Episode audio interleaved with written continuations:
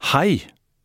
Sesongen til Krimpodden er over, og vi er tilbake til høsten. Men vi har plukka ut noen episoder som vi syns har vært gode, og som i hvert fall vi har lært mye av. Det er alltid så kult å snakke med folk som kan mye. Og temaene i sommerreprisene i år er blant annet rettspsykiatri, forsvarerrollen, politiets gjerningsmannsmetoder og spionasje. Og så håper jeg at du får en fin sommer, og at vi høres igjen til høsten. Hvordan er det å tenke juss 24 timer i døgnet? Hvordan er det å jobbe i det som virker som 24 timer i døgnet? Og hvordan er det å stå i stormen for drapsmenn eller korrupsjonsdømte politifolk? Hvordan er det å få frikjent noen som har vært uskyldig dømt? Jeg heter Tor Erling Tømterud, og dette er Krimpodden i VG.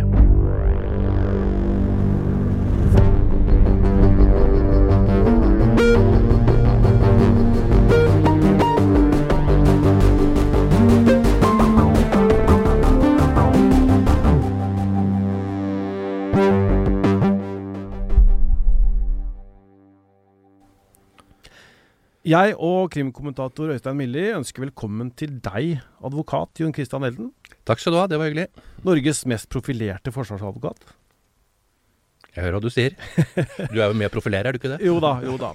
Vi er, vi er i, i, 2022, og dette året så, så, tror jeg, jeg mener ganske sikkert, at ordet justismord kommer til å være et ord som vi får høre mye om. Og en av de sakene der det var en uskyldig dømt som er eh, blitt stor, og som ble, ble, frikjent til slutt, er Fritz Moen-saken, som du var med på, Jon Christian. Han var dømt for voldtekt og drap på to kvinner eh, i Trondheim på slutten av 70-tallet. Og kan du fortelle hvordan var det å møte Fritz Moen for første gang? Det var en veldig sånn aha-opplevelse. fordi at Den første gangen jeg møtte han, det var faktisk eh, etter at han forholdt satt på sånn frisikring, som det het, på eh, et døvehjem i Oslo. Eh, så ble han arrestert av politiet. Og han var da plutselig siktet for blotting, og skulle fremstilles for varetekt. Og da møtte jeg han nede i fengslingskjelleren i Oslo tinghus. Eh, og hadde først en runde med han der nede, og hvor jeg fikk ganske klart inntrykk eh, av han at dette hadde han ikke gjort. Altså dette, dette stemte ikke, det var feil. Eh, og så fant jeg ut han hadde jo sittet på Ila da en nesten 20 år i forkant på dette. og der vil han absolutt ikke tilbake til. Altså han var liksom, det, det bare lyste av fyren at det var helt forferdelig. At det, det, ønsket han ikke. Så jeg måtte liksom gjøre alt jeg kunne for å sørge for at han ikke ble fengslet. Og så, men skal jeg følge opp den, for å si at så kom han nemlig opp i fengslingssalen. Eh, og da var det en eldre, snill og hyggelig dommer eh, som administrerte, men som stilte spørsmålene på en litt rar måte. Ved at hun startet med å spørre at ja, du har jo sittet uh, lenge før, du. Ja, det har jeg jo. Altså, det gjør vel ikke noe for deg om du nå må sitte noen uker mens politiet holder på å undersøke dette her? Nei, nei, nei, det er helt greit. Ja, og du har vært på Ila. Det, det er vel et hyggelig sted? Ja, nei, det var et fint sted. Og det var liksom da jeg lurte på hæ, hva skjedde her? Uh, og det var det som fikk min interesse og nysgjerrighet i den saken. For at hvis han på samme måte snakker etter munnen Eh, I den opprinnelige saken eh, så er dette en justismord av dimensjoner. Så Det var mitt første møte med han. Altså Fritz Moen eh, er jo død nå, men var nesten døv. Hadde problemer med å kommunisere, snakke vanlig. Hans høyre arm var lam. Du sier at det oste av ham at han ikke ville inn igjen, men sa der at OK, ja, det, det hørtes greit ut. Hvor, hvorfor det? Nei, Det er jo det som jeg også lurer på, da. Men jeg tror det er hans eh, iver etter å please. Eh, altså at han på en måte er vokst opp. Han ble vokst opp i Norge som et såkalt tyskerbarn. altså Hadde lite kontakt, var handikappet, hadde sine deler eh, og sine ting å stri med. Eh, og at han var veldig opptatt av å tilfredsstille de som var rundt han. Hvis de på en måte mente noe, ønsket noe, sa noe, så sa han bare ja. Eh, og det var det vi også la merke til i forbindelse med gjenopptakelsesprosessen på en av disse rundene underveis, hvor vi hadde muntlige forhandlinger i lagmannsretten i Tromsø for gjenåpning. Eh, så sa han plutselig det som i hvert fall ble oppfattet som, at eh, han tilsto denne drapet. Og det ble sånn Hæ, hva skjedde nå? og det kommer frem etterpå at her var det også da en tolkemisforståelse som lå til grunn for dette. Men slik at den type misforståelser har altså skjedd hele veien, og helt opp til også 2000-tallet, når vi holdt med gjenopptakelsesprosessen. Det var jo hans tilståelser som gjorde at han eh, ble dømt uh, for, for, dette. Men, men, så sier du at han gjorde dette for å please. Han uh, ville være hyggelig mot uh, politiet, da, på en slags måte. det er vel noe som vi kanskje ser i andre saker også? Ja, altså han ble møtt i avhør av politiet på en hyggelig måte, han, og med en eh, politimann som selv hadde eh, døve folk i familien sin. Så det var politiet som avhørte ham på døvespråk. Dvs. Si i praksis kun den ene politimannen som satt da og tok avhøret, og som tolket hva Fritz Moen egentlig sa tilbake igjen. Eh, og på dette tidspunktet ikke noe var sikret på verken lyd eller bilde. Ja, lyd hadde kanskje ikke fungert så mye, men heller ikke bilde ved disse avhørene. Så klart Han følte nok at han var hos en venn i utgangspunktet som skulle hjelpe han, og hvor han da fortalte det som politimannen ville høre, og som politimannen tolket på sin måte. Og det på tross av at politiet satt med positive bevis på at det vanskelig kunne være han, eh, i form av DNA-prøver eh, og, eh, og lignende. Den tiden het det blodprøver, men altså blodprøvene kunne også skilles på hva slags type blod det var. Og det var ikke hans som var funnet på den ene av disse jentene. Men det valgte man å se bort fra, fordi at det var behov i Trondheim for å få dømt en person. Men da, da beveger vi oss inn på dette her med falske tilståelser, og dette med manglende kontroll av, av tilståelser. Um, har det vært en framgang her, oppfatter du, i politiet på å være mer kritisk og um, grundigere på akkurat dette viktige punktet, som jo kan ende så katastrofalt? Jeg velger å si at jeg håper det. Eh, og politiet selv skryter i hvert fall veldig av at de har gjort det.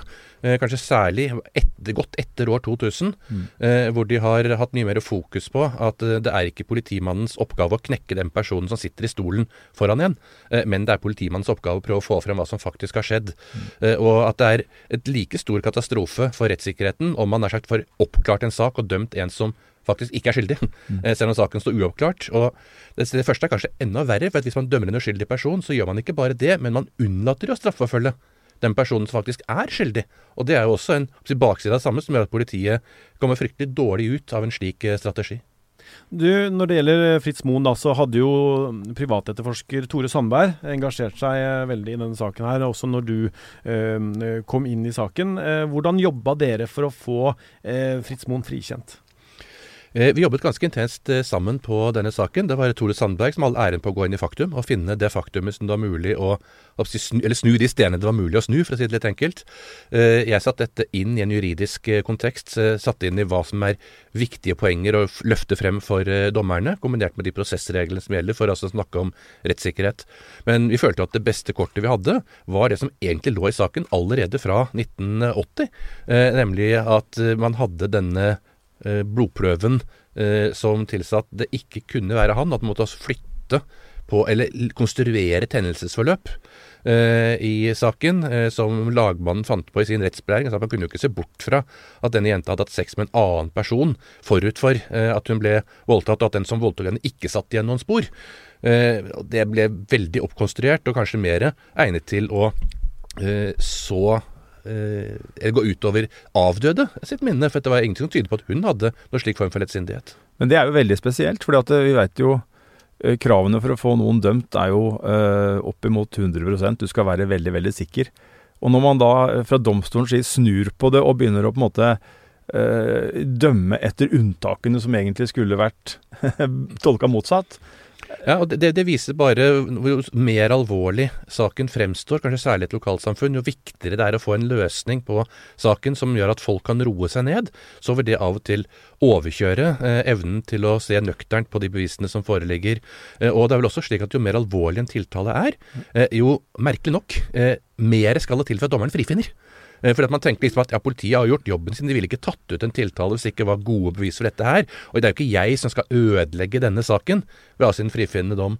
Og stikk i strid med læreboken, så er det altså slik at det er lettere å få frifinnelse for en eller annen for veitrafikkloven som kjører med mobiltelefon, enn det er å få for en som er tiltalt for dobbeltdrap. Så det du sier er at ytre press det påvirker både politi og dommere. Det gjør det. Det er vanskeligere å opprettholde de rettsprinsippene som gjelder for rettsstaten, som f.eks. i dag mobiltelefondommen, men eh, var veldig opptatt av at de må overholdes. Sier Fritz Moen eh, ble jo født under krigen. Eh, faren hans var eh, tysk soldat som selv døde på østfronten.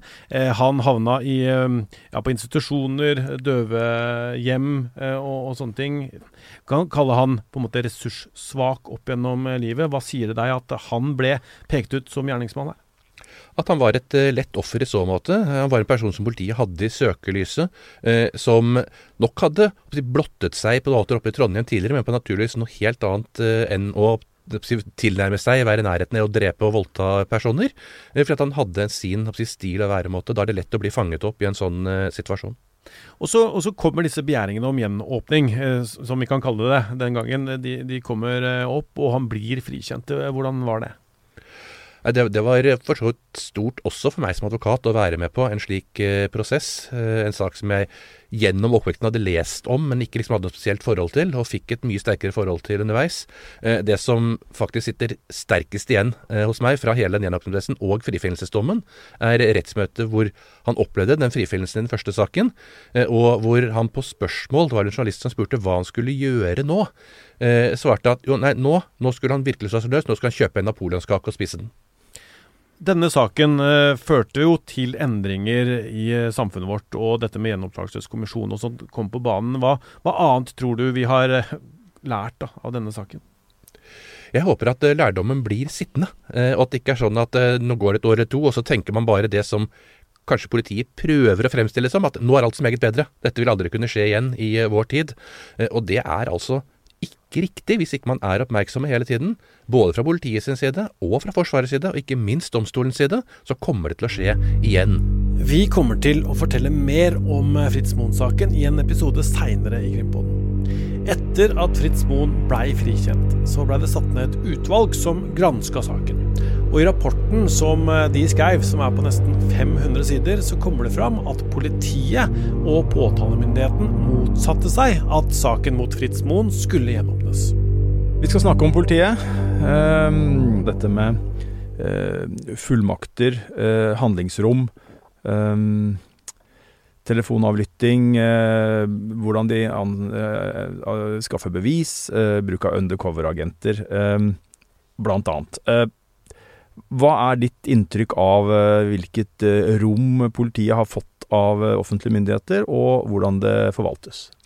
De har fått et altfor stort handlingsrom, i den forstand at veldig mye av norsk lovgivning er lagt opp til å være en såkalt forholdsmessighetsvurdering, hvor man altså åpner ytterpunktene og sier at man kan gjøre sånn og sånn, men forutsetter at disse metodene bare blir brukt når det er alvorlige saker, og når det er svært alvorlige forhold osv. Og, så og det høres jo veldig fint ut. Men når man kommer til den enkelte sak, så er det veldig fort sånn at eh, man syns at hver enkelt sak den er veldig viktig for den som holder på å etterforske den. De metodene som vi har en rettslig ytterpunktsadgang til, de ønsker vi gjerne å benytte for å eventuelt få en oppklaring. Eh, Og om man da på veien til den oppklaringen kjører over mange andre personer, kjører over de personene som er mistenkt eller lignende, gjør sterke inngrep i deres privatliv, eh, avlytter, forfølger, driver med undercover-virksomhet osv., Mm. ja, så ofres liksom det igjen på det store alteret når man snakker om enkeltsakene. Og Det er det store problemet med såkalt fullmaktslovgivning. Jeg tror Stortinget fikk en aha-opplevelse på dette eh, når de vedtok bruken av eh, telefonavlytting og overskuddsinformasjon, eh, og hvor de et generelt grunnlag tillot at det som er på en måte samlet opp på overskuddsinformasjon, det man har hatt og hører om andre eh, ved lovlig telefonavlytting, eh, at det kan brukes som eh, bevis. For at da sa Stortinget da de vedtok det, det gjelder jo, det gjelder jo selvsagt bare at man fanger opp alvorlige forhold. Men lovteksten den sier altså ikke det. Den sier at det kan brukes hvis den formelle strafferammen er mer enn hva den er for noe. ikke sant? Og ikke at den i praksis nesten alltid kan brukes. Eh, Og eh, det var jo først når en stortingsrepresentant selv ble gjenstand for denne typen avlytting, eh, og ble straffeforfulgt av politiet i Bergen. Det var jo da de kom på banen og skjønte oi, her har det gått altfor langt. Sånn kan man jo ikke ha det. Det er ikke det vi mente med disse bestemmelsene. Og at man altså skal være nødt til å å si, At en stortingsrepresentant skal merke på kroppen mm. at eh, metoden blir brukt mot han, at en hasjrøyking blir avslørt ved telefonavlytting, mm. for at man skal se at man har gått for langt, det sier jo noe om justissystemet vårt. Og, og dette ser jo du, for du er inne i mange saker, har et slags overblikk. Men for den enkelte politimann eller enkelte avdeling, så er det kanskje ikke sånn at man ser at det blir brukt så mye. Men hvorfor ser ikke dommerne eller domstolene? Fordi at de på forhånd gir de en generell tillatelse eh, til avlytting og personer som kan mistenkes. Eh, det grunnlaget dommeren har til å vurdere det på, det er det politiet velger å legge frem for dommeren. Eh, og at det er en såkalt skyggeforsvarer inne i bildet der, som ikke får lov til å snakke med den mistenkte, det hjelper jo ingenting. Eh, For det første vet han ikke, kjenner han ikke faktum. Eh, For det andre så får han bare se de dokumentene politiet velger å legge frem. Eh, Og da får du altså tillatelsen veldig enkelt. Hvis politijuristen greier å begrunne på en forståelig norsk måte at det er skjellig grunn til mistanke, altså at det er sannsynlighetsovervekt for at det er et straffbart forhold her, så får man avlyttingen. Så gjennomfører man den. Og i andre enden så har man materiale, og hvis da det materialet på en eller annen måte kan brukes som bevis, så gjør de det. Eh, og Derfor er det altså ingen reell kontroll, annet enn at eh, den personen som opprinnelig ble avlyttet, på en eller annen, av en eller annen grunn er kommet i politiets søkelys. Altså denne, Det var en skyggeadvokat, ikke sant? Det er jo da en eh, oppnevnt forsvarer som ikke den som er under etterforskning får vite noe om. Og den vet vel knapt nok hvem som er under etterforskning også, er det anonymisert. Eh, og du får da et dokumentsett eh, og skal uttale deg overfor retten, som da avsier en kjennelse. Eh, så det er jo veldig lite, som du sier, da, informasjon en skyggeadvokat har å forholde seg til. Ja, du så har du i tillegg full taushetsplikt. Jeg var i en slik sak jeg var skyggeadvokat, så prøvde jeg å ta opp dette med Høyesterett og sende en anke sin tid på en problemstilling jeg mente at politiet hadde gitt uriktige opplysninger. Eh, og da fikk jeg bare beskjeden tilbake at dette har ikke du noe med, for det er ikke din jobb som eh, skyggeadvokat i saken. Og du kan ikke kontakte den oppnevnte advokaten, det vil være brudd på taushetsplikten. Mm. Men du sier jo da at det er jo de som da er i politiets søkelys, som blir eh, eh utsatt eh, for dette. Altså de må ha en mistanke, en anklage mot seg. Men, men det kan jo egentlig være hvem som helst av oss, ja. Det kan være hvem som helst av oss. Eh, det kan være at eh, politiet plutselig mistenker deg for å kjenne en person som bryter taushetsplikten. Du som journalist kan du kjenne en person i det offentlige som bryter taushetsplikten sin, og det kan jo være et interessant innfallsvinkel til å starte en uh, etterforskning. Og iallfall hvis de da i tillegg kan tenke at den som de mener er kilden din, kan de kanskje også mistenke for noe narkotikavirksomhet. Det er jo veldig enkelt å, å gjøre det. Mm. Og så avbryter de vedkommende. Og da får de plutselig teknisk tilgang til alle samtalene som du har med vedkommende også, og hvilke opplysninger du sitter med som journalist. Så her er det full mulighet for politiet teknisk sett eh, til å misbruke dette. og Det er derfor det er så viktig at det er strenge regler på det. Ikke bare på å få lov til å ta opp, men også på måten man går gjennom opptatt materiale på, bruker det på, ikke gi tilgang til f.eks. opplysning underkastet taushetsplikt eller kildevern. Men hvis det um, oppklarer saker da, og fører til dommer og får kjeltringer bak lås og slå, er ikke det bra? da? Ja, da kan du jo egentlig sette i gang avlytting av oss alle til enhver tid og si at da vil du fange opp det meste. Hvis vi sørger for at alle norske telefonsamtaler, og for så vidt alle rom man er i, per definisjon blir avlyttet, så vil vi jo løse all kriminalitet. Så jeg har jo i sin tid, når jeg lagde et innlegg om personvern og eh, overvåkingssamfunn, så introduserte jeg det som den mest ideelle løsningen for å hindre all kriminalitet, nemlig at vi samtlige til enhver tid blir avlyttet og får en chip i oss. Da mm. løser man det. Men eh, om det er ønskelig i samfunnet vårt, det tror jeg er et annet spørsmål. Da må i så fall noen si at det er det vi ønsker. Nå snakker vi om skjulte metoder, og det er jo eh, Uh, en del av de verktøyene politiet har for å oppklare den mest alvorlige kriminaliteten. Uh, vi var innom det så vidt. Undercover uh, agenter, undercover eller såkalt infiltratører, som politiet bruker. Ehm, hva er synspunktet ditt på, på det? Jeg har ikke noe problem med at man som en etterforskningsmetode bruker infiltratører, men de er da politiets forlengede arm, eller til visse tilfeller også politifolk selv, eh, som går inn i en slik rolle.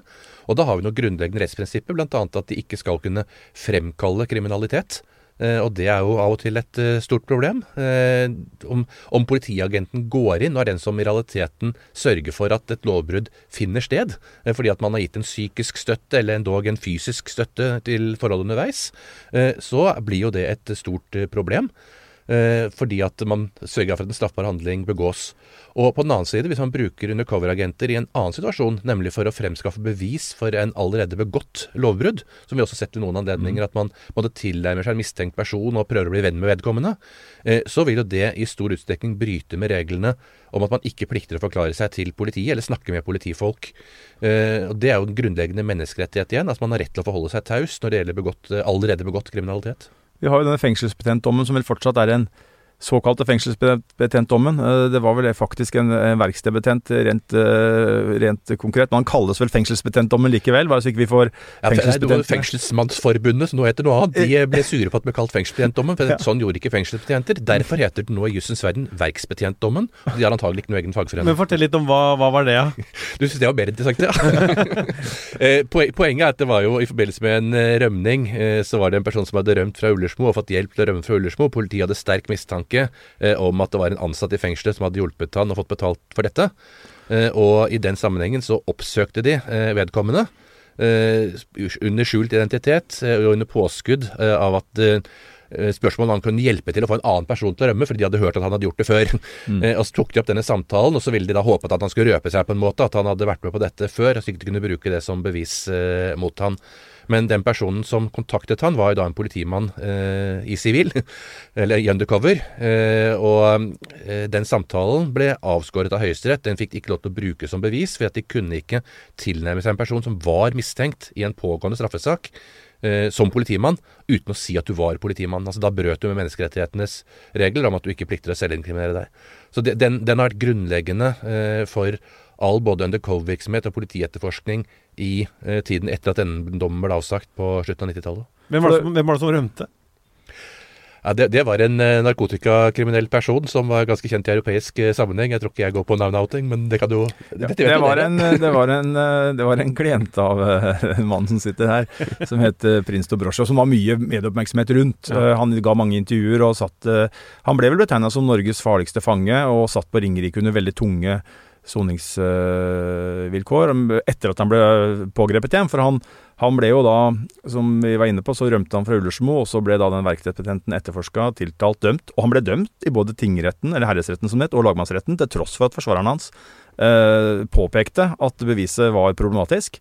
Så gikk de rett igjennom to rettsinstanser, eh, men Høyesterett eh, satte da foten ned og, og oppheva da begge dommene, så den skulle tilbake igjen til, eh, til herresretten, og så, og så, døde da denne verksbetjenten før vi kom så langt. Men, men, eh, men, eh, men det var jo en veldig stor sak på 90-tallet hvor Begynnelsen av 90-tallet var det vel da, når Dobrosji da rømte og var på flukt i utlandet.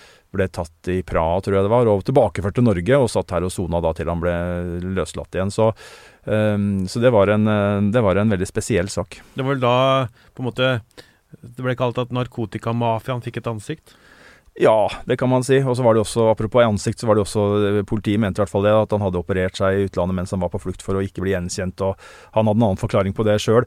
Så, så, det var en veldig, veldig, veldig spesiell sak med veldig mange ingredienser, og som også da fikk denne eh, ikke fengselsbetjentdommen, da, men verkstedbetjentdommen, som er en, eh, en, en rettesnor. Fordi at, bare for å klargjøre det så alle henger med, er jo sånn at hvis jeg forstår riktig om Kristian, da, så er det sånn at eh, som en undercover politimann eller -kvinne, så kan du på en måte eh, få kontakt med eh, noen og være på en måte å motta informasjon. Eh, og kanskje også spørre om hvordan du kan gjøre ting. Kan du det? Du kan, eller er du da inne på at du begynner å tilskynde og påvirke at den andre kan begynne å gjøre ting? Eh, det er en grense der et sted. Nøyaktig hvor den er, det er usikkert. Eh, ja. Man fikk jo ikke prøvet det spørsmålet i forbindelse med sak fra Kristiansand for et par år siden, med noe badekardrap osv., hvor dette var mm. velegnet til prøving i Høyesterett, mm. men de ville ikke slippe den inn til behandling. Eh, der var det brukt en undercover-agent på å forsøke å skaffe bevis mot denne damen etter at hun var mistenkt for straffbare forhold. Men det som i alle fall er på det rene ut fra teorien, er at denne politiagenten kan godt motta informasjon, mm. men hun kan altså ikke etterspørre den. Og den grensegangen den er jo ganske interessant. Og så stiller jeg som forsvarer spørsmål er det i det hele tatt mulig å ta en slikt, foreta et slikt uh, skille, for at du er satt inn i posisjonen nettopp med det formål å få den informasjonen. Uh, og da er det jo fortsatt et brudd på selvinkrimineringsvernet, men det fikk vi altså ingen prøving på i, uh, i Høyesterett. Men hvis denne undercover-agenten går aktivt inn mm. og begynner å spørre, altså ta et avhør, liksom, mm. så er det iallfall ikke lovlig. Men jo, hva, hva kan de gjøre, da? Henge med, liksom, og være kompis, eller hva er greia? Ja, altså, det, det er jo fordi ikke noe la, la, oss si at du og jeg sitter på et bord på kafeen ute, og så diskuterer vi kriminalitet vi enten skal begå eller vil begå. Eh, så er det jo ikke noe i veien for at det sitter en politimann på bordet ved siden av og hører alt sammen. Altså Han plikter jo ikke mm. å si at 'unnskyld, nå må dere stoppe å snakke, for jeg er politimann'. Mm. Altså Ytterpunktet den ene veien. Mm. Eh, og det at du da er en venn med vedkommende, sitter inne der eh, og er med på den diskusjonen, eh, og også er politimann, eh, er antagelig også i utgangspunktet greit. Mm. Eh, men når du er på politioppdrag, og forsøker å få vedkommende til å forklare seg etter at vedkommende har sagt at han ikke vil forklare seg til politiet, mm. Eh, så er det problematisk. Da er det brudd på selvinkrimineringsvernet. Og nøyaktig hvor den grensen går, det vet vi ikke per i dag. Nei. Eh, nettopp fordi at vi ikke har noe klar høyesterettsavgjørelse på det. Vi fikk det ikke for noen år siden. I 2020 så ble den tidligere politimannen Eirik Jensen dømt til 21 års fengsel for grov korrupsjon og medvirkning til innførsel av hasj. Borgarting lagmannsrett mente det var hasjsmugleren Gjermund Cappelen som snakka sant, og at Jensen beviselig har tjent penger på å hjelpe Cappelen med å smugle tonnevis av hasj inn til Norge. I dommen står det at Jensen styrka gjennomføringsviljen til hasjsmugleren Cappelen, og at Jensen mottok økonomisk godtgjørelse for det, bl.a. oppussing av et bad. I dommen fra lagmannsretten står det flere steder om SMS-bruken til Jensen, og lagmannsretten mener at det passer med at han hadde en rolle knytta til hasjvirksomhet. Dommen er rettskraftig. Jensen har hele tida nekta straffskyld, og gjør det fortsatt. De som har hørt eh, alt av Krimpodden, vet jo at eh, Krimpodden starta jo eh, i Eirik Jensen-saken. En del episoder om det helt i starten, for mange år siden faktisk. Og Eirik Jensen har jo, han har jo bytta forsvarer noen ganger. og Nå er vel du tilbake igjen, eller? Ja, min kollega Farid Boras bistår han nå i denne prosessen som han holder på med rundt gjenåpning. Hva, hva, er dine tanker om Eirik Jensen-saken nå? Det er, det er, en sak som rettssystemet eh, i Norge er eh, avsluttet, eh, men den ligger jo på et gjenopptakelsesstadium, så jeg må være litt forsiktig med hva jeg sier rundt det. Mm. Eh, men eh, jeg er nok ikke komfortabel med den dommen som er eh, avsagt, og det som er kalt å være en medvirkning til narkotikakriminalitet fra hans side. jeg har forståelse for at man diskuterer spørsmålet om har han mottatt et bad, ikke mottatt et bad, er det mottatt noen mindre pengesummer underveis, og eventuelt for hva, i hvilken sammenheng. altså Det er en ren bevisvurderingsspørsmål. Men å si at det er en medvirkning til narkotika narkotikavirksomhet med 21 års eh, fengsel. Det har jeg liten sans for og liten forståelse for i forhold til eh, bevisbildet. Og i hvert fall når det politiet eller Spesialenheten gikk hardt ut med og siktet han for og tiltalte han for, var jo en form for aktiv medvirkning. altså Alt fra påstander at han sto med, med grensepassering, sørget for at grensene var klarert, at han hadde fikk sol- og værmeldinger og sjekket hvem som var på grensestasjonen. Altså, det var på en måte de opprinnelige anklagene. Alt det ble tilbakevist i løpet av prosessen. og Det endte jo opp med at han ikke ble funnet å ha medvirket aktivt ved én en eneste innførsel av narkotika. Ingen av disse værmeldingene ble knyttet til narkotikainnførsler. Eh, da man satt igjen med den generelle påstanden om at ja, men selv om han ikke hadde gjort noe, så trodde Cappelen at han hadde gitt han hjelp og bistand, eh, og det styrket Cappelen i Cappelens eh, forsett på å innføre narkotika. Eh, og et slikt si, bevisbilde er jo for det første umulig å angripe. Eh, altså, Hva er motbevisene for at Cappelen trodde at han hadde en psykisk medvirkningsdel?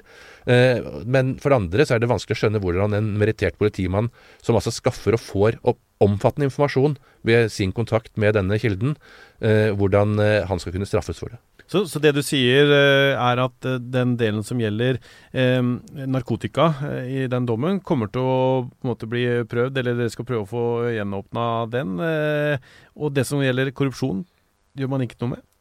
Det, det er en annen sak. Altså, fordi at det er på det rene at dette badet er pustet opp. Det er på det rene at han ikke har betalt noe for det, men det er også på det rene at han aldri har fått noen regning for det. Og så er spørsmålet der igjen, da. Hvilken situasjon står det da i? Han sier at 'jeg regnet med at jeg ville få en regning'. Er det mange av oss som har hatt, hatt håndverkere annet besøk. Hvis det ikke er kommet til en regning, er det sant at man nødvendigvis da ringer og etterlyser den regningen? Uh, sier at du, nå må du skynde deg å sende regning. Eller tenker du at ja, ja, leit, hvis han glemmer det, så går det tre år, og så er det foreldet. Det er jo fint. Jeg har ikke noe forhold til vedkommende liksom, håndverker, så det, det, er på en måte ikke mitt strafferettslige ansvar. Uh, så det er jo der mye av denne problemstillingen står. Er det slik at dette var en avtale om en ytelse for en motytelse? Eller er dette mer en sånn type vennetjeneste, som vi jo hørte om andre tilfeller også? At det var jo Uh, Uropatruljen hadde hjulpet han å pusse opp det forrige badet, uh, badet, hans, uten at noen hadde reagert på og sagt at det var noe gærent i forbindelse uh, med det. Så det er jo der det på en måte ligger et sånt åpent spørsmål. Det som ble fullstendig avvist av retten, det var jo Spesialenhetens og Cappelens påstand om at Jensen hadde fått 500 kroner per kilo for hasjis som han hadde innført gjennom alle årene, og sånn sett hadde tjent et ja, var det tyvetalls millioner kroner omtrent. Det fant jeg noe etter å ha gransket all økonomien til Jensen, opp og ned og i mente. Eh, og gått inn på enkelttransaksjoner 20 år i forveien på 20 og 30 kroner osv., så, videre, eh, så fant du at dette var umulig. Eh, og når da på en måte hovedbeviset, hovedanklagen, forsvinner, og sitter igjen med et spørsmål Ja, det er noen småposter her og der, og det er noen SMS-er som vi er litt usikre på hva som er innholdet av, og du har et overforbruk på noen hundre tusen eh, i, løpet av en 20-årsperiode, eh, så blir dette fryktelig svakt. For det sånn, og jeg tror ikke at det hadde vært en korrupsjonssak uten at det hadde vært en tiltale på narkotikadelen, men jeg er ikke oppsist større eller mindre enn at jeg kjenner at det er forskjellige bevisbilder på de to postene. Eh, fordi at det andre har det i hvert fall noen si, holdepunkter, knagger, som man kan diskutere troverdigheten på. Men når det gjelder medvirkning av narkotika, så finnes det etter min oppfatning ikke noe bevisbilde for det. Eh, og da skulle han verken vært tiltalt eller dømt for det. Eirik Jensen har i hvert fall uh, uttrykt at han er villig til å kjempe videre i denne saken her. Men da disse rundene var ferdig i retten, så uttalte du til media at du var sliten?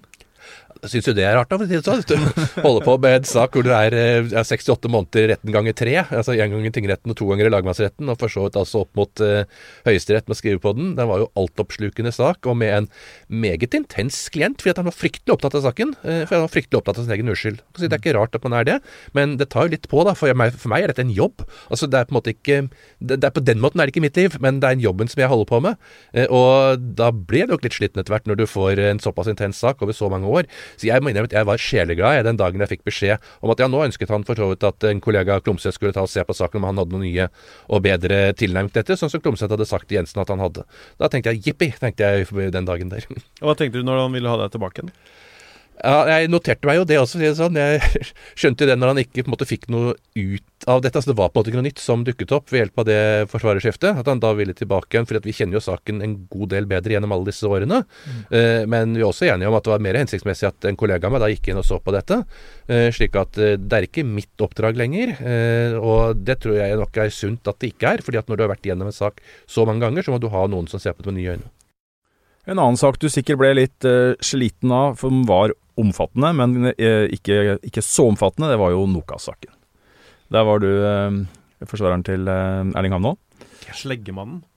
Um, og det er jo mange som husker uh, saken og, og uh, alt som skjedde. Det, noe av det som var spesielt der, var jo um, at du hadde jo en klient som uh, i noen måneder, mener jeg husker, eller kanskje var lenger også, avviste enhver form for skyld. Eh, og du forsvarte jo han da, selvfølgelig ut fra det perspektivet. Og så kom det en endring hvor han tilsto.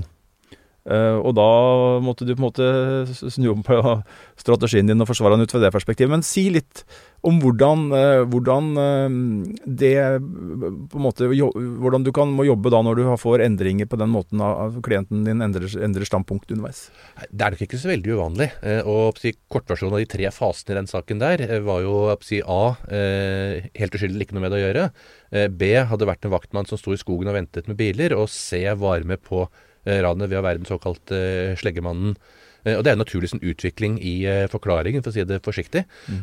Men det er jo også derfor en forsvarer aldri skal gå ut og gå god for klienten sin.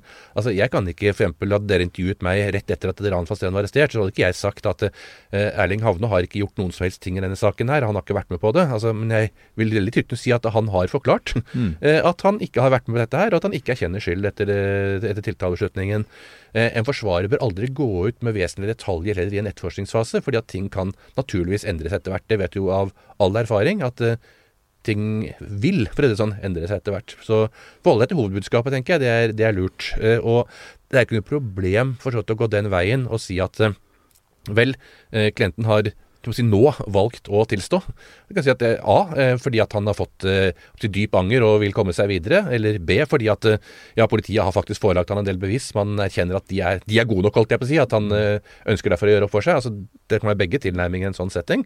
Eh, og det tror jeg kan være vanskelig å forklare det sånn, eh, til folk eldre, at vedkommende har endret oppfatning. Mm. Problemet er sagt hvis jeg går inn og er sannhetsvitne for dem, og liksom sier at det er jo innlysende at politiet ikke har noe vis, det er innlysende at de ikke kan ha gjort dette her fordi at sånn og sånn, mm. da har jeg et større problem med troverdighet også som forsvarer. Mm. Eh, så det har jo kanskje noe av det jeg har lært meg gjennom årene, at du skal være veldig forsiktig med å gå inn og være vitne for klienten din. Mm. Nei, Men sagt, en endring hvor de tilstår det, det, det er ikke et stort problem. Det er kanskje et større problem hvis de tilstår først med advokat til stede, og deretter nekter. Da kan det være et problem. Mm. Men er det en forsvarerstrategi, dette at det ikke tilstå noen ting før de eh, forelegger deg bevis for det? Nei, tvert imot. Eh, I ni av ti straffesaker er jo tilståelsessaker i Norge. Eh, og Det betyr at de aller fleste sakene er jo tilstått. Og av de igjen så tilstås de første i første politiavhør. Mm. Slik at det er jo på en måte hovedregelen. Eh, men så har du en del saker som ikke tilstås. Det er jo de som kanskje er mer spektakulære, og som avisen også følger opp ikke sant, og skriver om. fordi at her er det liksom ikke et klart, ikke et klart forhold. Mm. Altså, Du har jo mange drapssaker i Norge som er erkjente saker. De er ikke så interessante for avisene, det er nesten en notis. Eh, vedkommende har erkjent drapet, og vedkommende dømt, og vedkommende fikk sin straff på 13 års fengsel, og vedkommende er nå kalt inn til soning. Altså, det er på en måte en, en normal, også drapssak, de siste årene eh, i eh, Norge. Eh, så ni av ti saker går som tilståelsesdommer. Eh, og en forsvarer vil nok alltid i en første samtale med en klient i hvert fall er det min, min regel. Eh, forklare ganske grundig og si at Hvis du først har begått en straffbare forholdet som nå politiet har siktet deg for og tatt deg inn og arrestert deg for, eh, så har du alt å tjene på å tilstå det her og nå. Mm. Eh, fordi at det, for det første så kommer du altså Du slipper på en måte den prosessen. Du slipper en lang varetekt, du slipper en lang etterforskning. Du får lagt kortene på bordet. Du kommer deg videre. Mm. Eh, men hvis du ikke har gjort det, var det tilsvarende måte å si, så skal du for guds skyld ikke gå inn og si at ja, jeg, jeg, tar det på meg, fordi at da, en eller annen grunn, da, da slipper du denne prosessen her. Altså, Da må du i så fall velge å enten ikke forklare det, eller forklare deg sant til politiet. Altså, Du kan ikke gjøre noe på en måte mellomting på dette. her, Du kan ikke ta på deg forhold som du ikke er skyldig i. og Det har vi sett problem noen ganger. At eh, politiet av og til har noen såkalte førsteavhør. Gjerne hvor det ikke har vært advokat til stede. eh, Og hvor det, ting er falt feil ut. Mm. Og ikke fordi at de forsnakker seg, men fordi at man måtte også der til en viss grad vil please, og fordi at politiet nedtegner et avhør eh, slik som de oppfatter at avhøret blir gitt. Så det er mange ganger vi sitter i retten om å si, argumentere mot avhørsrapporten fra et førsteavhør, rett og slett fordi at det var ikke sånn det var ment, og man i mange ganger også sier at ja, det var jo heller ikke sånn i virkeligheten. Altså du har både bevist at det var feil. Men var det, hvis du skal gi et råd da, til de som eh, framtidig kommer eh, i et politiavhør, eh, så er det selvfølgelig forskjell på å være vitne, mistenkt eller sikta, men, men hvis vi holder oss til mistenkt og sikta, da. eh, hvis du skal gi et råd, hva er det lureste man bør tenke på? Det første jeg ville forlange, er alltid å ha lydopptak av det. Eh, gjerne også bildeopptak, for da vil du i hvert fall kunne ettergå eh, selve rapportene i ettertid. Eh, og det er også ofte at i et førsteavhør kommer mye informasjon hvor den politimannen som tar avhør, ikke skjønner viktigheten av det. Og Ergo så går det på et inn det ene øret og ut det andre, og blir aldri skrevet ned i rapporten. Og så står du i hovedforhandlingen, og så sier aktor til deg Ja, men hvis dette var så viktig, hvorfor sa du ikke det i første avhør, da? Så jeg, ja, men det, det gjorde jeg jo. Ja, du gjorde det, ja. Det står jo ikke et ord om det i rapporten. Den er altså sånn standard i retten. Eh, og har du sikret det på lyd og bilde, så vil du derfor kunne ettergå det og si at ja, men han sa jo faktisk det. Det var bare at det var ingen som skjønte at det da var et poeng eh, for saken, de som etterforsket den. Så altså lyd, bilde av det som ble sagt, alfa og omega i en innledende fase. At du som eh, mistenkt krever det. Krever det, ja. Ja. Det må du kreve. Eh, og tilsvarende så er det stort sett lurt å ha med advokat eh, i et eh, avhør. Ikke fordi at advokaten, sånn som i USA, kan forklare seg for klienten. Nei. Vi skal holde kjeft vi under selve avhøret, men vi kan bryte av og si at unnskyld meg, men dette spørsmålet her altså dette, Her legger du forutsetninger i spørsmålet som du ikke har dekning for. For jeg skal ha lest saksdokumentene på forhånd. Eh, her forsøker du å lure klienten i praksis, ikke sant? selv om du, de vet de ikke har lov til det. Altså Slik at du får på en måte en ryddighet i avhørssituasjonen, på samme måte som om det var et avhør i, eh, som fant sted i rettssalen. Så særlig i alvorlige saker der du risikerer en fengselsstraff f.eks., så bør du alltid ha advokat til stede i avhøret. eh, og du bør sørge for at det blir tatt opp på lyd og bilde. Det er mine aller beste råd eh, hvis man skulle komme i en slik situasjon. Og så må du aldri tro at ja, dette hender jo ikke meg, og hvis jeg likevel skulle ende med å bli tatt inn, så vil de jo skjønne med en gang at jeg er uskyldig, så jeg trenger ikke noen sånne rettigheter, jeg. Det er det veldig mange som har brent seg på, for å si det sånn, av uskyldige personer. Hvordan er eh, dette møtet med klienter første gang? Altså, du møter jo alle slags eh, mennesker. Hvordan, hvordan er det? Det er stort sett, eller nesten alltid, eh, et menneske i en livskrise. Eh, De færreste sånn er gjengangere og bryr seg ikke så mye om at de er tatt inn her og nå og tenker at nå kan jeg få litt fred og ro noen uker i fengselet, liksom. De fleste blir tatt inn én gang og puttet på en glattcelle, sitter der gjerne over natten og får tenke og bli mørnet en tolv timers tid. Eh, Så kan de få kontakt med advokat dagen etter, og så er det liksom et eller annet som skal settes, eh, settes i gang. Det er klart det setter deg i en svært alvorlig situasjon, og jeg tror ingen av oss vil være komfortable med det, eh, som ikke er vant til å sitte i politiarrester eller fengsler. Og Det er jo de som stort sett første gang kommer inn. da, ikke sant? Og Du kan komme inn, du kan være en av sin næringslivstopp, du kan være direktør i et børsnotert selskap og plutselig ende på glattcella med et øker og henter deg inn, og du blir sittende der og du skal i avhør på si, innsidehandel eller et eller annet dragerier etterpå. Altså Det er sjelden noen er mer preget enn kanskje den type mennesker som er vant til å treffe beslutninger og vant til å være i sjefsstillingen. Hvordan er du da som, eh, som sjelesørger eller trøstende person?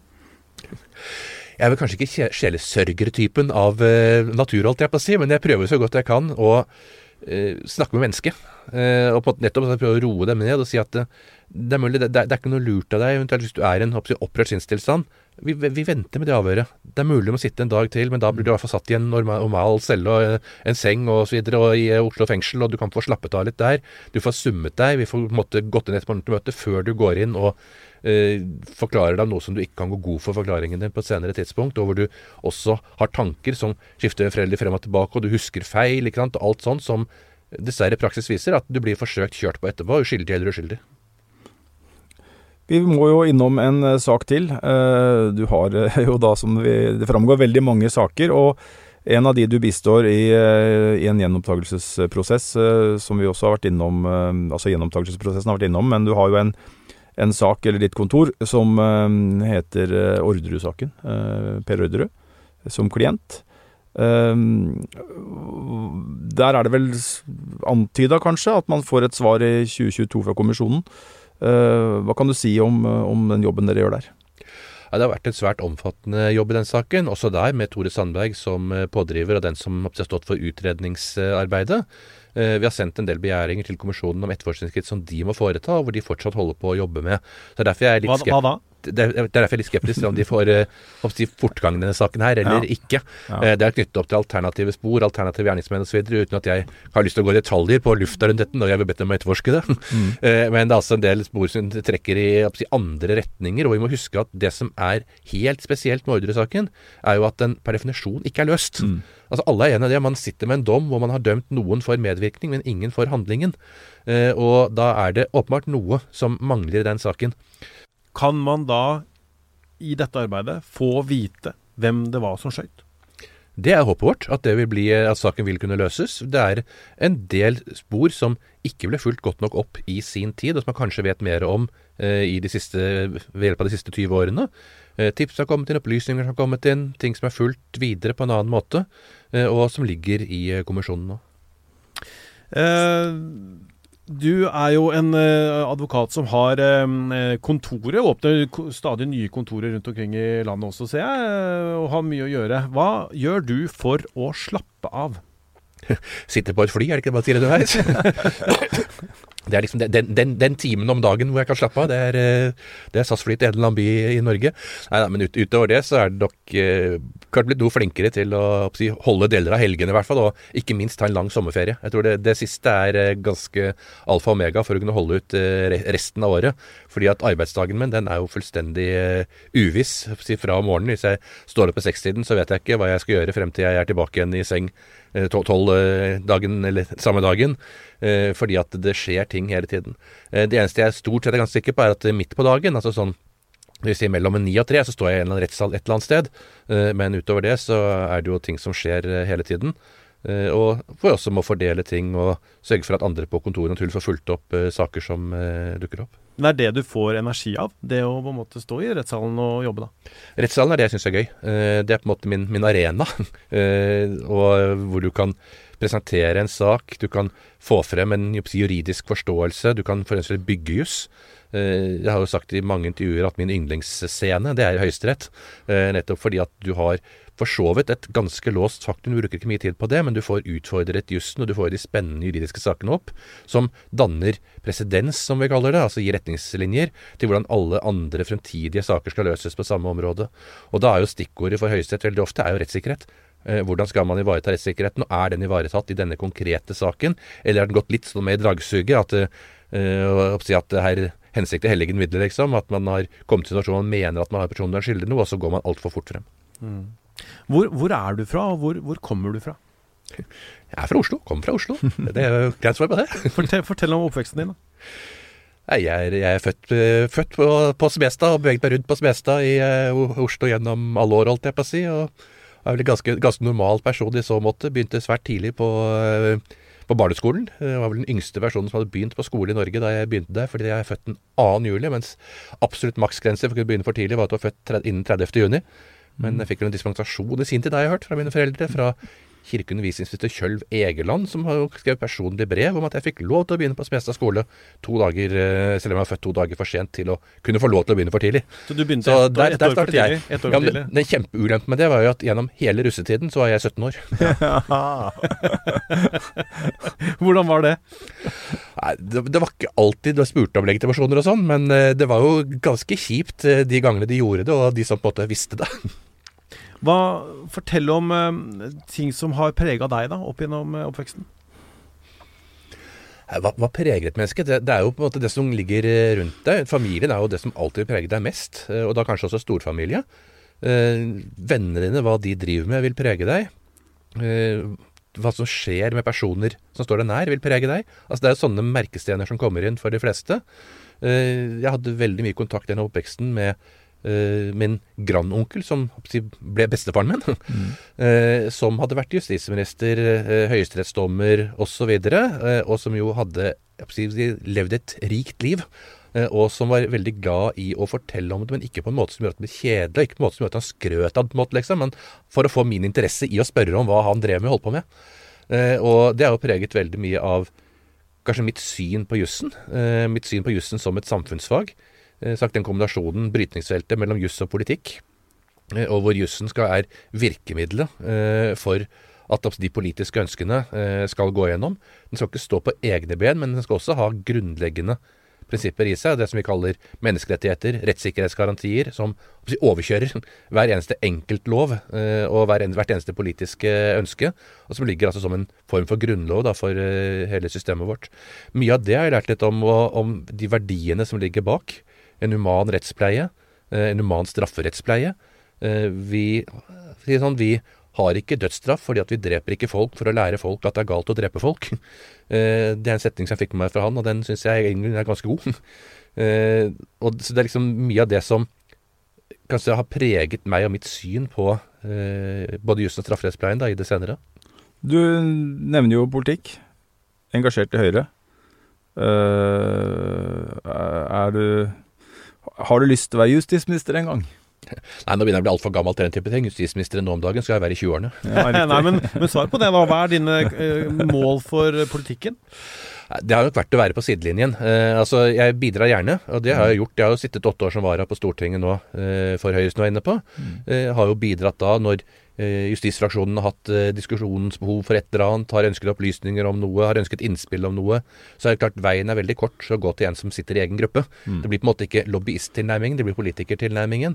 Uh, og det, det, er jo, tror jeg, at gruppa Høyre har hatt stor nytte av, og jeg har hatt stor nytte av å ta de diskusjonene andre veien. For jeg får jo også brynet meningene da på Dette er jo Altså Personene som sitter på Stortinget, er jo oppegående mennesker med klare og sterke meninger og et bredt ønske om å gjøre det bedre for oss alle. Mm. Og så vil de bare gjøre det på hver sin måte. Mm. Eh, men det er klart at du får jo brynet mye på, på, den måten. Så det å være med på en sidelinje, men ikke drive med politikk på heltid, det tror jeg er på en måte der jeg kommer til å både være og befinne meg fremover. Er du helt sikker på det? Jeg er aldri helt sikker på noen som helst ting, men det er det jeg tror. For Hvis det kommer en ny høyreregjering da, og du blir spurt om å være justisminister, hva gjør du da? Det svaret som alle skal gi deg, er at det må la være opp til, justis, nei, opp til statsministeren å ta stilling til først. Eh, men eh, jeg ser altså ikke for meg det som noen sånn spesielt aktuell problemstilling der vi sitter per i dag. Var det et korrekt politisk svar? ja, du, du, du, høres ut som du har det politiske sjargongen inne. Jeg vet hva de svarer. Dette at eh, du, du hadde da din grandonkel og også din far, vel, som, som var jurister. Når var det du skjønte at dette vil jeg også, og, og dette behersker jeg. Mm. Eh, det første tror jeg nok jeg har villet veldig lenge. Eh, sånn fra jeg liksom ikke lenger skulle være brannmann og politimann, eh, sånn i 7-8-9-10-årsalderen, eh, så tenkte jeg at ja, jussen, det, det, har jeg på en måte lyst på, på av en eller annen grunn. Eh, og sikkert også fordi at det hører jo til litt, litt av en sånn daglig input, men ikke på en sånn måte at det blir anmasete, da, og det er jo ganske viktig. Eh, så at jeg skulle et eller annet inn i jussen, det har vært et uh, tidlig valg. Hva innen jussen? Det var nok noe mer uh, uklart. og jeg kom nok uh, dit hen at jeg var ferdig med jussen, ferdig med utdanningen, hadde begynt i arbeidet, før jeg liksom tenkte tanken at strafferett det kunne være noe mm. å se videre på. Det var vel en tilfeldighet med en klient som jeg fikk inn, som egentlig var en asylsak, og som ble en ganske alvorlig kriminalsak. Og så kom jeg liksom borti dette arbeidet med, med politisakene. Hva er det som på en måte har vært milepælene i karrieren? Eh, det er klart at det er en milepæl når du er ferdig med studiet. Altså Det er helt åpenbart. Eh, du skal ut av de trygge favn, holdt jeg på å si, med studielån og bare venner og en ganske ubesværlig hverdag. Eh, over til å begynne å arbeide. Og når du arbeider som advokat, så har du også ansvar for andre personer. Eh, deres liv og leven. Kanskje heldigvis ikke like mye som en eh, lege, som ikke kan oppsi, anke sine feil. Men det er klart at likevel så er det jo menneskeskjebner du arbeider med hele tiden. Mm. Og det føler du nok ganske kraftig etter hvert. Altså det er klart at å jobbe med en sak hvor du sier at her står det på spill, enten, det, enten så går du fri, eller så får du 21 år i fengsel. Det er klart at det, det er merkbart. og så heldigvis, også der da, så har vi ikke dødsstraff i Norge, så du slipper liksom den dilemmaet som en del amerikanske advokater har. som jeg vet at noen kolleger i USA har sagt at de orker bare ikke drive med strafferett i statene, for at de vil ikke komme i den situasjonen og være ansvarlig Nei. for at en klient av dem sier etter deres oppfatning uriktig dømmes til døden. Eh, så det er klart, det, det er jo ansvar og risiko med det du holder på med, men det er en milepæl når du er ferdig og begynner å jobbe. Uh, det var nok en milepæl for meg også uh, da jeg fikk møterett for Høyesterett, ble høyesterettsadvokat, og møtte første gang i Høyesterett i eh, eh, 97. Eh, Da var jeg 29 år gammel, og det er klart det, det var eh, en spesiell opplevelse. Og hvor jeg på en måte ønsket veldig velkommen der, for jeg hadde hatt en del skriftlige saker for dem før. Hvor det da brukt kolleger til å møte for meg muntlig. Eh, Men hvor da Ole Jakob Bae, som var en meget erfaren advokat på det tidspunktet, jo kom på og sa at nå må du gå med sakene dine selv. For Høyesterett ønsker at du skal komme og legge dem frem selv. De vil høre deg, de vil ikke høre at jeg legger frem dine saker. Så han som presset meg litt ut i dette her, og jeg fikk jo da denne møteretten min ganske raskt eh, etterpå, og har jo vært der veldig mye senere. senere. Så det å på en måte bli kjent med, treffe Høyesterett, og nå er det vel slik at nesten alle de dommerne som var da jeg var der første gang, de har nå sluttet å gått av med, gått av med pensjon. Eh, Så det har jo hatt en generasjonsskifte også der, men det å være i Høyesterett, følge Høyesterett, det er en, naturligvis en milepæl for enhver jurist. Kunne det vært et alternativ for deg òg? Blitt høyesterettsdommer? Jeg, jeg har alltid tenkt sånn at jeg er mer komfortabel med å presentere sakene, legge frem sakene, argumentere for sakene, eh, enn å sitte og motta informasjon. Eh, samtidig så er det klart at det som er spennende, det er jo at du faktisk skriver en dom. Altså du, la, du bestemmer hvordan det skal være. Mm. Den delen appellerer jo eh, til meg. Samtidig så er jeg ikke en sånn, jeg er ikke sånn teoretisk type. Jeg er ikke sånn som liker å sette meg ned og skrive lange avhandlinger. Jeg vil heller på en måte tenke og argumentere eh, og gjøre det muntlig. Så det er sånn Nesten si både og på, på svaret ditt. Det Jeg begynner vel snart å bli for gammel for det òg. Men eh, det er bare for lytterne sin del så er det sånn at det, alle har jo ikke uh, møterett til Høyesterett. Uh, og, og det betyr jo at uh, du får jo en del saker som du bare har Høyesterett, bare så vi henger med med det. Det kan være en sak som har gått et sted og hatt en forsvarer i både tingretten og lagmannsretten, og så kommer saken opp for Høyesterett, og da må man jo finne en, en møterett for Høyesterett, og da kan det være deg. Så du toucher borti mange saker som du ikke har hatt før du kommer til det siste trinnet på, på stigen i, i rettssystemet, da. Ja, jeg tror jeg har passert 1000 saker i Høyesterett nå. Så det er klart Ja. det er blitt ganske mange gjennom årene, og det har jo ikke hatt alle de underinstansene. Eh, Så det er, men det er en kjempespennende arena å arbeide i. Det er noen som sier, og jeg har hørt det nå, jeg snakka med litt folk i forbindelse med dette intervjuet også, at eh, altså på folkemunne, da, hvis du har Elden som forsvarer, så er du skyldig. Jeg har hørt en del der som har hørt tillegget på den, men du blir frifunnet likevel. Eh, Så jeg får jo ta med den da i sammenhengen. Det var Men, det eh, skrytet, da. Det var slik den ble sendt på Nytt på Nytt i sin tid, var det ikke det? Var det Jo, jo, jo, jo. Jo, men- utsagnet kom fra? Men jeg tror nok at det, er- det er litt sånn spesielt. Det er liksom veldig lett å si, men så tenker jeg at eh, veldig mange av de som kommer til meg, eh, når de selv faktisk blir utsatt for noe, gjør det fordi at de mener seg fullstendig uskyldige. Eh, og det kan være seg si, sentrale politikere, det kan være seg politifolk, det kan være dommere for den saks skyld, som liksom alltid har tenkt at eh, jeg blir jo aldri arrestert, for jeg gjør jo ikke noe galt. Og så plutselig så blir det det likevel. Og da kommer de jo ofte heldigvis til meg, for sånn, for de tenker vel at det er eh, en erfaring som eh, er ganske nyttig å ha fra min side, at jeg kjenner til den type saker, og da forsvinner nok den vitsen ganske fort bort, i hvert fall. Ja, fordi da kommer de til deg og, og, og, forespør deg fordi de mener at du er den beste til å forsvare dem, da. Jeg håper jo det er tankegangen bak det, da. Ja. Er du det? Men det er, jeg er i hvert fall god på det jeg kan, og det, skal man være ærlig nok til å kunne si. Altså, jeg, jeg er flink i strafferetten og straffeprosessen. Mm. Kan de fagene. eh, Kan det meste sånn på fingerspissen rundt det. Eh, Men det betyr jo ikke at jeg kan alt. Betyr ikke kan alle andre fag eller alle andre disipliner. Eh, Men jeg er ganske flink til å gjennomføre en prosess, argumentere en sak som er jobben min. Eh, Og det er klart at da bør du helst gå da, til de som er flinkest på akkurat det. Og som jeg også er flink til å ta kontakt med andre, bruke kolleger til å stå for utredninger, til å finne frem materiale, ting som jeg ikke kan selv. Eh, du skal aldri ta en sånn Harald ting han ikke kan-greiene i retten, for å si det sånn. Da skal du ha satt deg inn i det på forhånd.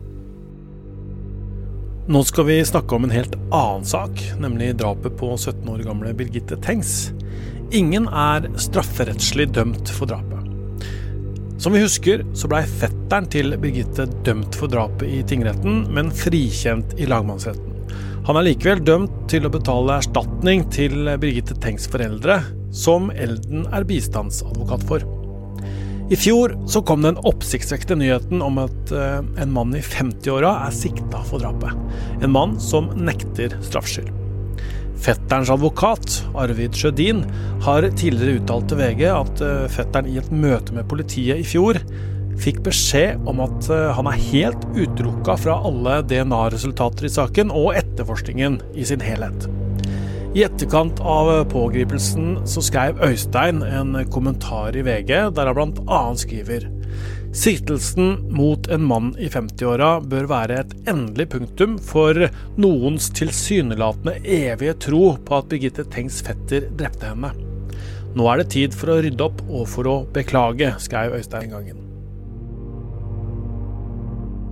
2021 så var jo kanskje det noe av det krimverdenen, noe av den største hendelsen og, og på en måte gjennombruddet og overraskelsen i i en gammel sak, i hvert fall. At man da kom til en pågripelse, og at politiet sikta en, en helt annen eh, person enn enn fetteren. Og etter at hvert som etterforskningen har skredd frem, så har jo han nå blitt fengsla på såkalt såkalte 172, som jo betyr at domstolen mener at det er særlig sterke bevis mot ham.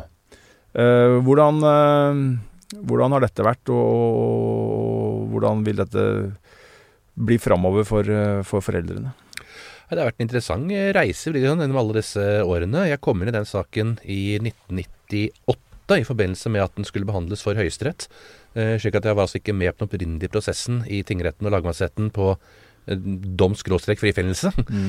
men startet med den i Høyesterett når det var spørsmål om man var dømt i strid med menneskerettighetene eller ikke. Eh, og fikk jo da medhold i Høyesterett på at det ikke var menneskerettsstridig dom. Og så gikk jo den prosessen videre gjennom, uh, gjennom, alle år, for å si det sånn. Og hvor det har kommet gjenopptakelsesbegjæring etter gjenopptakelsesbegjæring fra fetteren sin side. Uten at det forstått underveis i årene er fremlagt noe nytt i dette. Så det er klart det er en sak som du også på en måte føler at når kommer den årlige begjæringen. Eh, og så kan man snu den på den andre siden si at hvis det er slik at det faktisk er grunnlag for det, og at han ikke er rett gjerningsmann, så er det jo prisverdig eh, at han, og ikke minst advokat Sjødin som hans forsvarer, eh, har holdt frem på det med dette i år etter år og ikke gitt seg. Mm. Hvor den saken ender til slutt, det er det vanskelig å si per i dag. Han Fetteren ble dømt til erstatning i 1998 og 1999 mm. på det bevisgrunnlaget som foreligger per i dag også. Eh, han ble dømt med vissheten eh, om at det var et såkalt DNA-funn på en strømpebukse som ikke tilhørte han. Mm. Men på det tidspunktet, i 98-99, så argumenterte jo politiet med styrke at dette DNA-funnet det var ikke gjerningsmannsrelevant. Det kunne komme på mange andre måter. Det kunne være avsplitting fra et bussete og sånn og sånn. Mm. Eh, slik at det at man satt positivt med et funn for en annen person, mente de ikke hadde betydning for skyldspørsmålet. Og det ble, de, det ble, de, jo hørt på av domstolene i sin tid. Og det nye som er kommet nå, det er at man har identifisert dette funnet. Eh, og så mener man at dette er til denne nye personen mm. eh, som sitter i eh, varetekt. Eh, og man kan diskutere opp med det de mente om det er det. Oppstig DNA-spor og analyser og prosenter og osv. Men det gjenstår jo også et spørsmål om det nå plutselig, 20 år etter, er blitt mye mer eh, gjerningsmannsrelevant mm. enn det som politiet sa at det ikke var. Uh, i 98-99. Mm. Så hvor vi ender i denne saken, det vet vi ikke, rett og slett ikke per i dag. Men det har skapt en tvil. En mm. åpenbart skapt en tvil, mm. selv om det i seg selv ikke er et nytt bevis. Mm. Men det er vel en ny forståelse av det. fordi at man, man, visste vel ikke på det tidspunktet det man vet i dag, at det er jo en såkalt blandingsprofil. At det er både blodet fra Birgitte Tengs og denne mannen som vi skal understreke. Uh, nekter straffskyld eh, og eh, ikke er dømt, og skal få en rettferdig rettergang om, om det skjer. Men, men, men, politiet eh, Det er vel nytt. Altså at man måtte ha man, en blandingsprofil. ofte er jo et, er ikke det ofte et sterkere DNA-bevis enn om man måtte finne en sånn Ja, her har det vært en DNA fra en eller annen, vi vet ikke helt hvem og hva. Jo, styrke på dette vil jo man, vil man måtte komme tilbake til, da. Men mm. det er som sagt en forskjell på å si at noe ikke er relevant, mm. uh, og si at det er avgjørende. Og det er jo den problemstillingen som ligger nå mot den nye gjerningsmannen. Uh, eller nye antatte gjerningsmannen. Uh, samtidig som det er en kjensgjerning at det er ikke konkrete bevis som peker mot fetteren, annet enn det som baserer seg på hans egen tilståelse i bunn, mm. og en masse sideargumenter, mm. eh, som jo er tilsvarende sideargumenter de bruker mot den nye gjerningsmannen nå. Altså om måte, væremåte, tidligere opptredener osv., osv., eh, som man da la vekt på da han i sin tid ble eh, domfelt, skråstrek eh, frifunnet, eh, for henholdsvis straff og erstatning. Har ikke det vært en del av kritikken, da? At, at politiet har hatt tunnelsyn i denne saken og prøvd å presse disse brikkene på plass, sånn at de skulle passe mot fetteren. Eh, mens nå så snur du det, at nå presser de det eh, mot eh, denne nye antatte gjerningsmannen. Og Derfor syns jeg at noe av det beste som er sagt i denne nye prosessen, det er det som fetteren er ute og sagt. Eh, han var ute og sa når den nye ble arrestert, og sa at eh, for guds skyld, ikke gå frem så fort, og ikke trekk forhåndskonklusjoner her på samme måte som du gjorde mot meg, sa han. Eh, og det skal vi ta ad notam, slik at man skal ikke trekke forhåndskonklusjoner mot eh, denne nye personen som nå sitter i varetekt, men avvente, se om det blir tatt en tiltalebeslutning, mm. se om det holder til en dom, før man slår seg på brystet og sier at man har kommet til et annet resultat. Hvordan er, dette, hvordan er dette for foreldrene til Birgitte? Eh, for dem er dette ganske uvirkelig. Eh, de har fått beskjed gjennom alle år fra politiet om at denne saken er løst. Eh, han ble dømt i sin tid. Det er ikke kommet frem noe nytt i den ene eller andre retning rundt dette, selv om det blir tatt opp og spurt etter gang etter gang. Eh, det er beskjeden de har fått, og det er det de har slått seg til ro med eh, når de ikke har kommet lenger enn den dommen som eh, forelå. De har på en måte akseptert at det ikke var et bevismessig grunnlag for noen straffedom, og så har de tatt i etterretning at politiets etterforskning ga en erstatningsdom. Ja. Og det å si for deres virkelighetsbilde snudd på hodet etter 25-26 år, det er ikke bare bare, men de jobber med dette for å se hvor det ender. Men de holder sagt åpent hva som da kan skje. Etter at vi hadde besøk av Elden, så kom det fram i en artikkel i NRK at eh, foreldrene til Birgitte Tengs vil vente med erstatningssaken mot fetteren inntil mannen som nå er sikta, eventuelt blir dømt. Til NRK sa fetterens advokat Arvid Sjødin at det var veldig overraskende, og at eh, vi har nå et fullt politikorps som sier at fetteren er ute av saken. Da er det nokså oppsiktsvekkende at folk utenfor kan sitte med en slik oppfatning som dette, sa Sjødin. Jeg må si at det er eh, kjempeinteressant å, å nå kunne sitte ned og prate med deg, eh, og bruke litt tid. ikke sant? Vanligvis når vi møter deg, så er det eh, ofte i fengselsmøter eller sånne ting hvor det er så korte, briefly statements osv. Um, og du, bruker jo tid på dette. Du er med i Åsted Norge. Uh, du er et levende jusleksikon, i hvert fall når det gjelder strafferett. og du er også inne på Krimpodens Facebook-side og svarer våre lyttere der. hvorfor gjør du disse tingene? Kanskje jeg syns det er en viktig del av eh, det å jobbe mye med strafferetten i straffeprosessen, er å spre allmennkunnskap. Eh, det er veldig mange der ute eh, som ikke helt vet hvordan dette fungerer. Mm. Det ser man for mye på amerikanske TV-serier, som dessverre ikke gir helt dekkende bilde av norsk strafferett og norsk straffeprosess. Og dels så tror man faktisk at det er mye oppsi verre enn det er, altså hele rettssystemet vårt. Og man skjønner kanskje ikke alltid helt avgjørelser. Jeg har vært med ha sett mange ganger at det har vært en kort notis, kanskje appåtil i VG, eh, om at en sak har vært sånn og sånn og fått det av det utfallet, og så kommer mange og kaster seg på. Ja, men jøss, går det an? Hvordan er det mulig? Liksom, hvorfor fikk han så lav straff for et drap, f.eks.? Altså mm. sånne ting som legger ut. Og så kan det kanskje greit å si at vel, jeg har lest dommen også, og det fremmer jo hvorfor fikk han da straff for det drapet? Jo, fordi han ble bare dømt for uaktsomhet og ikke for å ha gjort med vilje. Mm. Eh, og da, da, får du faktisk en straff som er ganske mange år lavere enn det ellers. Ikke sant? Altså litt sånn folkeopplysningstankegang av eh, enkel karakter for å få folk til å skjønne hvordan denne jussen fungerer. Jeg har også et fagansvar f.eks. i Store norske leksikon eh, og Gyldendal rettsdata på strafferettsstraffprosess, og prøver liksom der hele tiden å få inn enkle måter å forstå kanskje litt vanskelige begrep på. Hva er den vanligste misforståelsen eh, som du kan tenke deg, da, som, som, rår der ute? Den vanligste og kanskje verste eh, er at folk ikke helt eh, skjønner forskjellen på å være mistenkt, siktet og domfelt. Eh, hvis du får et oppslag i en avis, at, med, kanskje med et stort bilde også på, at eh, bildet av en person siktet av politiet, så er du på en måte dømt i mange folke, mye, folkeoppfatning. Oi, det er han, han skurken, ja. Han var det bilde av sammen med et sånt negativt ladet ord. Eh, mens det at du er blitt siktet til noe, det betyr altså ikke annet enn at politiet av en eller annen grunn mistenker deg for noe. Eh, og gjerne på stadium før de har avhørt deg selv, før du har kunnet forsvare deg på noen som helst måte. Eh, og så vet du likevel der også at eh, åtte av ti saker hvor du blir siktet i, ender med en henleggelse fordi at siktelsen gjør at du ikke er skyldig likevel. altså du er uskyldig og skal regnes som uskyldig. Så å få folk til å skjønne en forskjell på at du på en måte bare er siktet for noe, eller for den saks skyld tiltalt for noe som er litt sterkere, men fortsatt uten noe rettslig prøving, og at man er domfelt for noe, det tror jeg er den største misforståelsen ute. Uh, er du domfelt for noe, så har jeg forståelse for at de fleste egentlig tror at du er skyldig. Mm. Uh, selv om media også der med hell kan være mer kritiske. Uh, og Det har man jo sett nå på f.eks. Baneheia-saken og andre saker, at selv om man er domfelt, så er det ikke gitt at man er skyldig. Mm. Domstolen må også tåle kritisk lys på seg, og det tror jeg ikke de er vant til. De er vant til liksom at jeg er dommer, jeg setter to streker under svaret, og da skal alle skjønne at sånn er eh, fasiten, vi går videre. Men vi som jobber med disse sakene i mediene, vi vet jo forskjell på sikte, tiltalt og domfelt, og bruker disse begrepene så godt vi overhodet kan. Det er stort sett korrekt det vi skriver. Men er det noen annen måte vi kunne løst det på? VGs krimavdeling kan nok det. Der er dere erfarne. Eh, det er nok en del andre journalister som ikke har den samme erfaringen, og som plutselig skriver en krimsak hvor du ikke ser forskjellen. Men det hjelper ikke alltid likevel. Eh, selv om dere skriver en sak og sier at NN er siktet for det og det, eh, så leser den jevne leser dette som at NN har gjort det og det.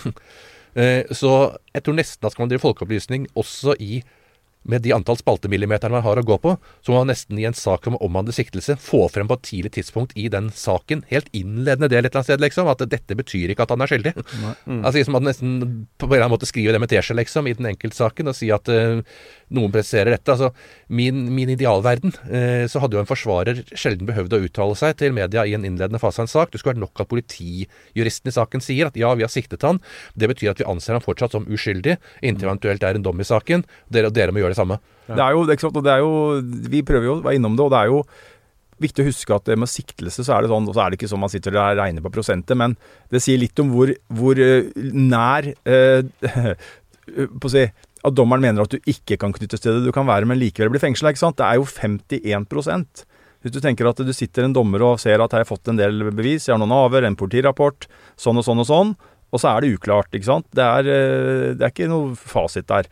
Men eh, dommeren må jo da ta stilling til politiets begjæring, ikke sant, og enten lande på at det er eh, såkalt grunn til mistanke, og da behøver det ikke være mer enn i dommerens hode 51 sannsynlig for at siktelsen kan være riktig, Uh, og 49 uh, og, og der er det jo en hårfin balanse. og så er Det jo det, det ene, og det andre er jo at Men det får jo ikke vi alltid fram. Nei, det gjør vi jo ikke. og det er jo ikke, og Nei, og dommeren skriver jo altså Det hender jo at dommeren kan skrive litt sånn at bevisstyrken er i nedre sjikt. Politiet får kanskje ikke fire uker, men to uker. altså Du kan få sånne signaler om at siktelsen blir vurdert som svak, eller svakt begrunna. Men andre ganger så kan det jo være tenkt kanskje 58% men han framstår ikke sånn i skriftlig form, kanskje. Det er jo det ene. Og det andre er jo at Personer blir også sikta øh, altså Det er jo aldri skjellig grunn til mistanke, men det er, jo, det er, jo, en del ting, det er en innledende del av etterforskningen. og Det er jo sånne ting hvis du skal ta beslag, hvis du skal øh, avlytte noen altså det, det, En siktelse kommer jo veldig sånn øh, Hva skal jeg si Den, den kan jo komme ganske sånn ikke tilfeldig, da, men den, kan, den, den, er jo en del av et tidlig innledende stadie i etterforskning. Og er jo litt prega av det ofte, er det ikke sånn? da? Jo, da, og satt på spissen. altså Hvis en politimann ute eh, får et oppsi, bilde av tror at du kan være gjerningsmann for et eller annet, fordi han kanskje misforholder et vitne eller sånt, og så tar han faktisk tak i deg, putter deg i politibilen og kjører deg inn, ja. da er du på definisjon siktet. Ja. Uten at noen har på en måte foretatt noen bevisvurdering av noen som helst karakter. Du kan bli løslatt umiddelbart etterpå. Du forblir siktet frem til saken er eh, avgjort. Eh, men det beste eksempelet her er vel kanskje Tom Hagen-saken eh, fra Lørenskog igjen, mm. hvor man så at eh, forut for at han fikk forklare seg, så var det jo skjellig grunn til mistanke mot han med flere avgjørelser om ja, det var vel ransakinger og telefonavlyttinger og hva det nå var for noen etterforskningsmetoder. Mm. Første gang han fikk forklare seg for retten og fikk vite om at han var mistenkt for noe, og kunne komme med motargumenter, mm. da sa jo både tingretten og lagmannsretten ja, nå har vi hørt hva du sier, ja, men da er det ikke mistankegrunnlag mot deg lenger. Mm. Da, nå er det ikke skjellig grunn til mistanke mot deg. Og i den saken så tror jeg faktisk folk flest har forstått at nei, han er ikke nødvendigvis skyldig selv om han er siktet. Mm. Og det er faktisk det samme i alle andre straffesaker også. At selv om politiet på et eller annet måte har siktet deg, og på et tidlig tidspunkt mener at det er 51% sannsynlig, så behøver ikke saken se noe annerledes ut enn det. Om man er pluss over under, over under 50, under 50, mm. over 50, altså vakle, vakle på den der. Mm. Men i den saken er det sagt min oppfatning at mediene har vært flinke, og forsvarer har vært flink nok. Politiet forholdt også selv til å få frem at her er det en sak som ikke er løst. Mm. Det er ikke sånn at vi anser han skyldig, men vi anser at han er mistenkt. Det er et øyeblikksbilde, mm. en siktelse, veldig ofte. ikke sant? At eh, akkurat som det ligger an nå, så er det sånn. Men det betyr jo ikke at Det, det er under, under progresjon, eller er en progresjon der, da, som gjør at det kan endre seg. og det er Enig. Altså, det er et uh, veldig interessant uh, perspektiv å ta med seg at uh, siktelse kan komme på et veldig tidlig stadium, og det kan være mye man ikke vet da, som man får vite siden, som endrer det bildet. Både at siktelsen styrker seg, men også at siktelsen endrer seg. Når vi spiller inn dette her, så er det jo, det er jo tidlig på året, og vi kan jo kanskje kalle det et lite forsett. da, At vi kan være litt mer obs når vi omtaler ordet 'siktet', bruker det ordet. Og kanskje dere som hører på også må tenke at ok, siktet, ja. Da er det ikke sikkert at vedkommende er skyldig. Det er noe mer her. Det er på en måte det samme som å være mistenkt og, og, og, og tenke, tenke gjennom hva dere egentlig hører. Det er jo flere saker jeg eh, kan komme på på stående fot, hvor folk har vært eh, sikta og, over tid. Og vært, mistanken har blitt sett på som sterk. Og så plutselig har ting snudd helt, og det har kommet helt andre regjeringspersoner inn som beviselig har gjort det. Eh, men fordi at man eh, ja, har et bevisbilde, altså noen som kanskje eh, snakker kodespråk på telefon, eh, forklarer seg avvikende i avhør, eh, blir stressa, får fysiske reaksjoner. Det er, ikke, det er saker som jeg har vært borti de siste årene, hvor, hvor man har fått eh, bygd en såkalt kjellergrunn til mistanke, fått retten med på at her kan vi avlytte, og kjørt et ganske langt opplegg. og så Plutselig så kommer det en nytt bevis, en, en ny opplysning på bordet som gjør at hele greia snus. Så, så det er jo viktig å understreke, og kan ikke understrekes ofte nok, at, at nettetterforskning er dynamisk, og ting som også politiet mener på et tidlig stadium, kan endre seg eh, underveis. Jon Christian Elden, eh, det har vært veldig hyggelig å ha deg her. Eh, Jeg håper vi kan snakke sammen seinere også, men nå, når du først er her, da, er det noe eh, som vi har glemt å ta opp? Noe du vil si? Høres ut som type siste spørsmål til vitner. Det er liksom noe de brenner inne med. Men nei, det er egentlig ikke det, så du kan godt avslutte der. Jeg pleier å si til klientene ikke svar på sånne spørsmål åpent på slutten. Tusen takk, eh, Jon Christian Elden. Eh, Øystein Milli var med. Håkon Fostervoll Høydal har jobba med denne episoden. Magne Antonsen har vært med oss i studio, og produsent for Krimpodden er Vilde Vår. Vi høres.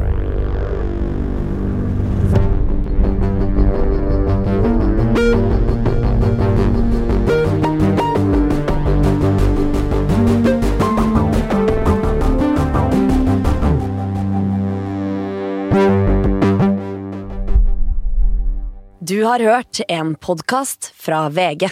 Ansvarlig redaktør, Gard Steiro.